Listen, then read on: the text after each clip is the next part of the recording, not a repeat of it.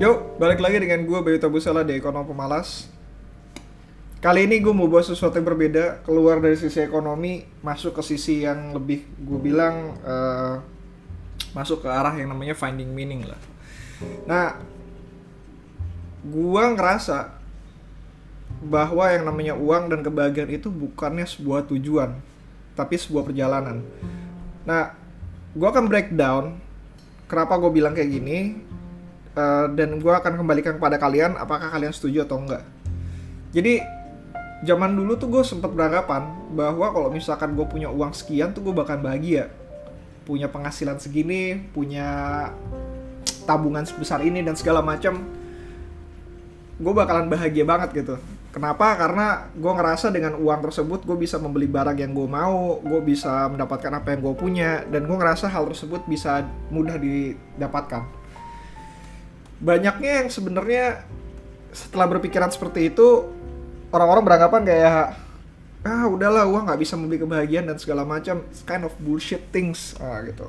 Tapi uh, setelah gue benar-benar mendapatkan apa yang gue inginkan dalam artian dengan uh, mimpi gue punya uang sekian uh, lalu gue punya penghasilan sekian dan uh, gaya hidup yang gue mau ternyata obrolan itu menjadi suatu hal yang benar bahwa ketika lo menjadikan uang sebagai tujuan lo bahwa lo akan bahagia dengan uang tersebut ternyata itu benar-benar kayak bullshit nah Kenapa? Karena saat ini ketika gue punya semuanya, gue justru punya pikiran yang arahnya kebalik gitu. Gimana kalau misalnya gue kehilangan semuanya? Gimana kalau misalnya gue harus mulai dari awal lagi? Gimana begini kalau misalnya gimana kalau misalnya begitu? Uh, gimana ternyata gue nggak bisa preserve apa yang gue punya dan segala macam. Jadi ketika gue punya uang tersebut, gue dihantui dengan rasa ketakutan yang berbeda lagi gitu. Nah, kenapa hal ini terjadi? Karena menurut gue, gue ngerasa bahwa satu adanya ekspektasi yang terlalu berlebihan terhadap hal tersebut. Kita tuh sebenarnya nggak butuh duitnya. Kita pengen atas ekspektasi tersebut gitu. Ketika lu punya uang ya, lu pengen ada ekspektasi terhadap uang yang lu yang lu milikin.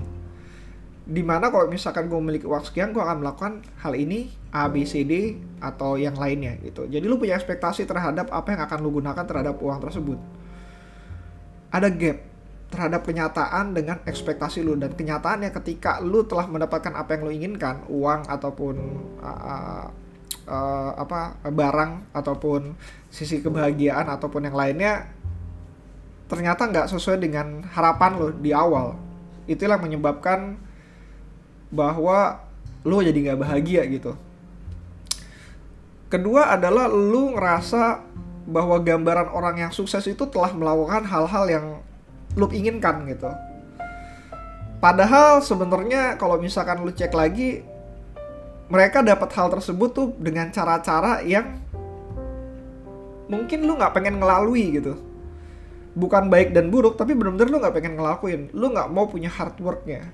Kalau istilahnya adalah semua orang punya pengen title, CEO, presiden direktur, pemilik usaha dan segala macam, tapi nggak semua orang pengen melakukan pekerjaan sebagai presiden direktur, pemilik usaha dan lainnya gitu.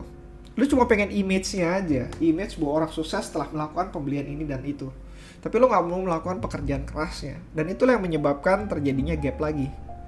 Gap antara kenyataan bahwa kalau misalkan gue telah mencapai karir gue yang seperti ini, uang gue segini, hidup gue akan jauh lebih mudah. Kenyataannya enggak. Mereka tahu bagaimana tanda kutip mempermudah hidup mereka bukan berarti hidup mereka itu mudah gitu.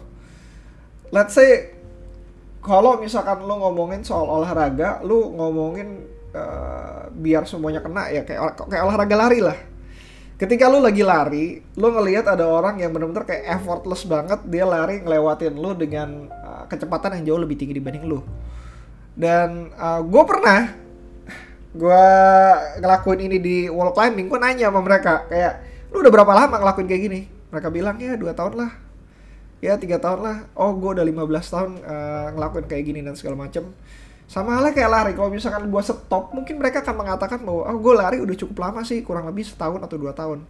Dan lu mengkomparasikan diri lu yang baru anak kemarin sore dengan orang-orang yang udah lari cukup lama 2-3 tahun. Mungkin lu baru bisa komparasi setelah lu tiga tahun lamanya lu lari. Kenyataannya kan kayak kayak gitu. Lu punya image bahwa orang sukses itu ya seperti itu. Bisa lari kenceng uh, nafasnya stabil dan segala macam gua nggak gua belum sukses. Dan itu ya kenyataannya yang menyebabkan lu nggak bahagia. Padahal ya kembali lagi sih kalau misalkan gua ngobrol sama gua punya coach di surfing dia bilang ketika pertama kali lu mulai membandingkan diri lu dengan orang lain ya lu mulai nggak sukses. Intinya kayak gitu aja. Jadi yang menyebabkan lu nggak bahagia itu bukan karena uh, goals lu tapi adanya perbedaan ekspektasi antara yang lu mau dengan kenyataannya ketika lu telah memiliki hal tersebut. Sama halnya kayak kebahagiaan itu sendiri lu berusaha untuk finding uh, happiness dengan cara-cara yang menurut lo ah kalau misalnya gue begini gue bakalan dapat bahagia. Gitu intinya kayak gitu. Kayak kalau misalkan lu ngeluarin duit untuk orang lain lu akan merasa diri lu bahagia. Kenyataannya lu adalah pada satu tempat tertentu ketika lu melakukan ngeluarin duit lu nggak bahagia. Karena orang nyebelin ternyata gitu. Dan itu bakalan bakalan terjadi dalam hidup lu uh, for the rest of your life lah intinya kayak gitu. Lu bakalan terjadi kejadian lagi dan akan ada terus terusan kenapa karena menurut temen gue dia bilang katanya ya itu sih bukan nyari kebahagiaan. Kebahagiaan tuh ada di ikhlas. Kalau misalkan lo ngelakuin keluarin duit buat naruh ke orang lain tuh namanya lo uh, lagi dagang katanya. Lo lagi dagang. Dan ketika perdagangan itu kan sebenarnya ada untung dan rugi ya. Lo lagi rugi aja sih dengan perdagangan tersebut gitu. Intinya kayak gitu sih. Nah kalau misalkan bukan tujuan terus apa yang harus lo lakuin gitu. Ini yang paling menarik sih. Gue ada sebuah kalimat dia bilang uh, dari George Bernard Shaw selesai saja dia siapa gitu. Life isn't about finding yourself life is about creating yourself. Jadi sebenarnya lu nggak butuh nyari uang lu nggak butuh nyari uh, kebahagiaan itu sendiri. Karena kebahagiaan itu tadi bukan tujuan. Yang perlu lu lakukan adalah lu membangun diri lu lu menemukan diri lu aja gitu. Jadi apa pun yang lu harus lakukan adalah lu bikin sesuatu gitu dalam hal ini adalah membangun diri lu sendiri. Temen gua waktu pas kuliah dia pernah ngomong bahwa ada yang lebih tinggi dibanding sebuah kebahagiaan yaitu being produktif kalau lo bisa produktif artinya lo bisa bahagia.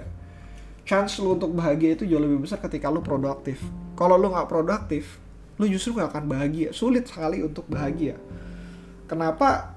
Ya kalau misalkan gue ngelihat ya gue ketika gue gak bahagia berarti gue gak produktif gitu. Intinya cuma itu aja sih. Artinya kalau misalnya lo bisa produktif lo bisa punya ekspektasi untuk bahagia gitu. Kedua untuk mencari hidup lo itu ada kalimat dari Oscar Wilde. Dia bilang gue rephrase karena bahasa Inggris gue jelek. Jadi intinya adalah ketika lo pengen menjadi sesuatu let's say kayak lo pengen jadi dokter, lo pengen jadi general, lo pengen jadi presiden segala macam, dan lo akhirnya bi bisa jadi uh, presiden, general, atau uh, dokter dan segala macam, itu tuh bukan uh, apa ya, bukan sesuatu yang patut lo syukurin gitu. Itu adalah punishment.